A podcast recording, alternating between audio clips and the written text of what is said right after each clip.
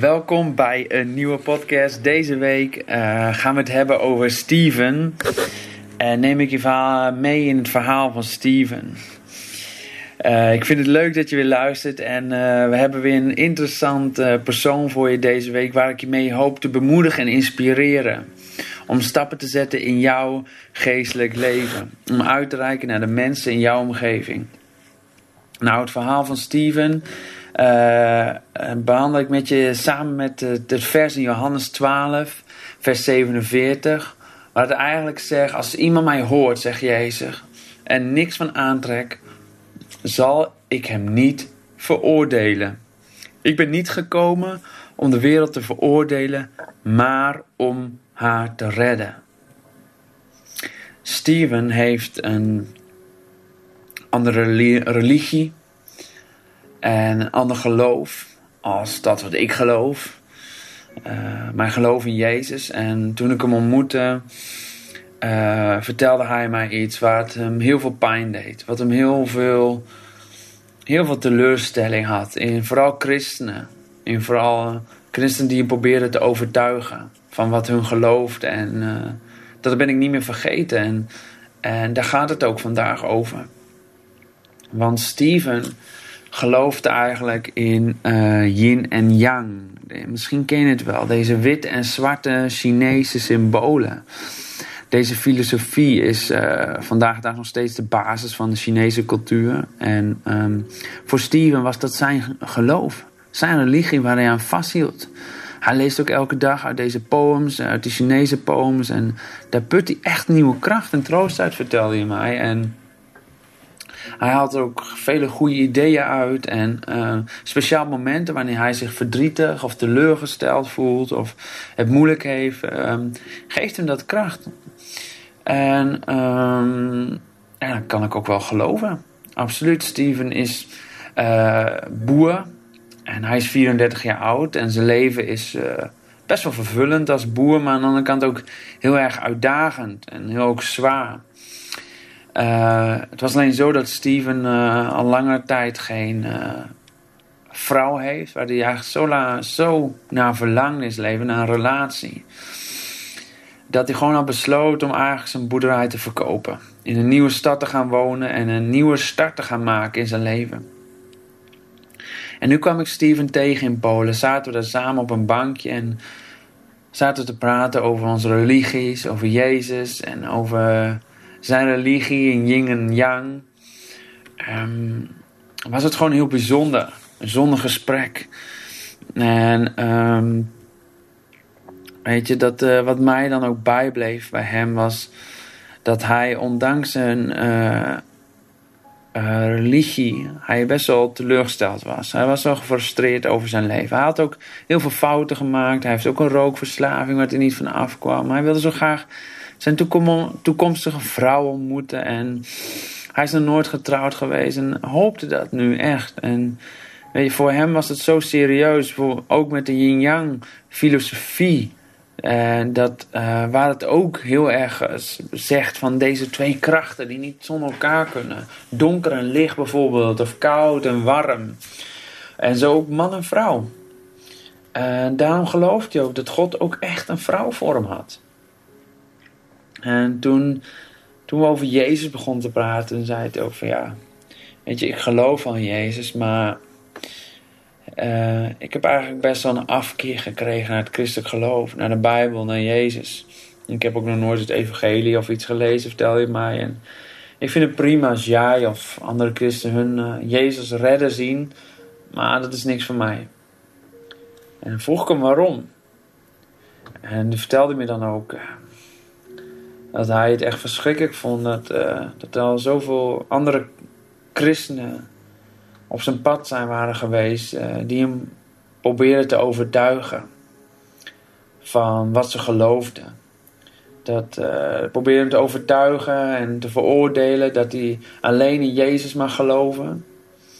En dat het niet waar is wat yin-yang is en zijn filosofie zelf en wat hij denkt. En, en daar werd hij heel erg boos om. En Vele mensen hadden dit bij hem geprobeerd en daardoor kreeg hij eigenlijk alleen maar meer een afkeer.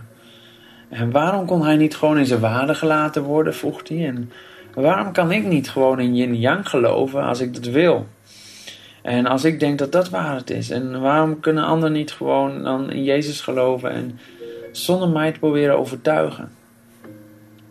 En uh, ja, daar werd ik eigenlijk best wel stil van. En dacht ik, ja, dat is zo jammer eigenlijk. Ik, ik werd er dan zelf ook eigenlijk zo boos om. En zo gefrustreerd van dat wij soms als christenen dan andere mensen proberen te overtuigen. Omdat wij denken de waarheid te hebben gevonden. Wat we ook denken en wat ik ook geloof. Maar dat dan proberen zo op te leggen bij andere mensen. En misschien wel te veroordelen of te overtuigen dat, hoe God het dergelijk niet bedoeld heeft. En dat werkt eigenlijk alleen maar averechts. Dat, dat, dat werkt niet. En uh, zo mag het ook niet zijn. En misschien die vraag dan ook bij jou neerleggen. Als je gelooft ook in Jezus en als je daarvan overtuigd bent dat je de waarheid hebt gevonden en dit ook leeft en zoals ik zelf ook doe, maar hoe vaak heb jij geprobeerd om iemand anders te overtuigen met de waarheid? Wat jij gelooft en hoe vaak heb jij geprobeerd om misschien wel een ander te veroordelen in eh, haar of zijn religie?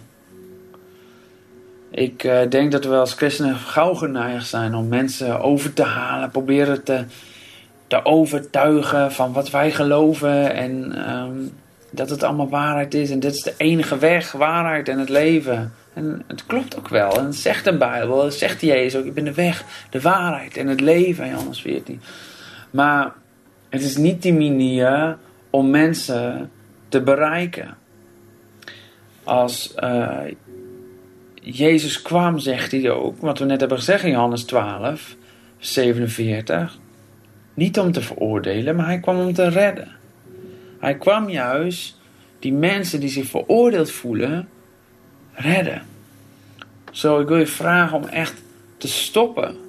Ook maar iemand in jouw omgeving, bij jou op school, bij jou op je werkplek, of jouw buren, of de mensen in jouw familie die nog niet geloven, te stoppen met te overtuigen. En deze zin wil ik je meegeven. Die wil ik dat je die onthoudt. Dat is gewoon belangrijk. Ons deel is alleen om te getuigen in woord en in daad, zonder te overtuigen. Ik zeg het nog een keer: ons deel is alleen om te getuigen, in woord en in daad, zonder dat we gaan overtuigen. Nou, dat wil ik je meegeven vandaag. Ik denk dat het zo belangrijk is en dat dat ook zo is dat God het bedoeld heeft. Mensen hebben een eigen keuze. En God is een God van liefde. En liefde gaat niet zonder een keuze zonder een vrije keuze. Mensen moeten zelf kiezen of ze in Jezus geloven of niet. Wij mogen ervan getuigen. Wij mogen het laten zien. We mogen Jezus liefde laten zien. In woord en in daad. Maar het helpt niet om mensen te overtuigen. Het helpt niet om uh, te beginnen te veroordelen en andere mensen met religie uh, te zeggen dat ze verkeerd zijn en dat het niet goed is. En maar laat zien dat je van ze houdt. No matter wat ze geloven. No matter wat, welke filosofie ze hebben. Laat zien dat Jezus van hen houdt. Wat hun ook geloven. Ik denk dat dat een verschil gaat uitmaken. Dat dat een impact gaat maken op die mensen in jouw omgeving die in iets anders geloven dan jij, als jij van hen begint te houden. Nou, daarmee wil ik je zegenen. En daarmee wil ik ook de mensen die misschien luisteren, die een andere religie hebben, ook zeggen dat wees, voel je niet veroordeeld. Jezus houdt van je. En hij staat klaar om eh, je te omarmen. En mm, no matter wat je nu ook gelooft en wat je geloofd hebt. Of, hij kwam niet om te oordelen, maar hij kwam om te redden. Bedankt voor het luisteren. En ik zie je graag volgende week weer terug met een nieuw verhaal en een nieuw thema. Vergeet nooit, jij en ik kunnen niet de hele wereld veranderen, maar Jij en ik kunnen wel de hele wereld voor één persoon veranderen.